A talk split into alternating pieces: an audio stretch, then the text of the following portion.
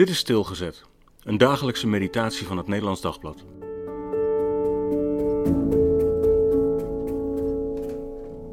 Doe mij recht. Psalm 26, vers 1 van David. Doe mij recht, Heer, want zonder dwalen ben ik mijn weg gegaan.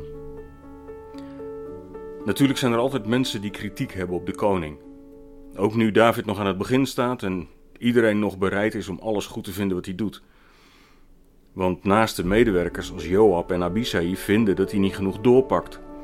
En ze zijn vast niet de enigen die hem beschuldigen van slapheid of juist van eigenwijsheid. Als hij weer eens tegen zijn adviseurs ingaat. Val het noorden aan en je zult zien, we zijn binnen de kortste keren oorlogsmoe.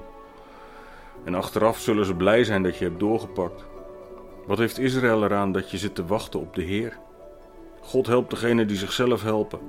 Al die jaren onder Saul heb je ook al niet ingegrepen. Het is jouw schuld dat het onrecht zo lang heeft bestaan. Is dat echt zo? Doe mij recht, Heer.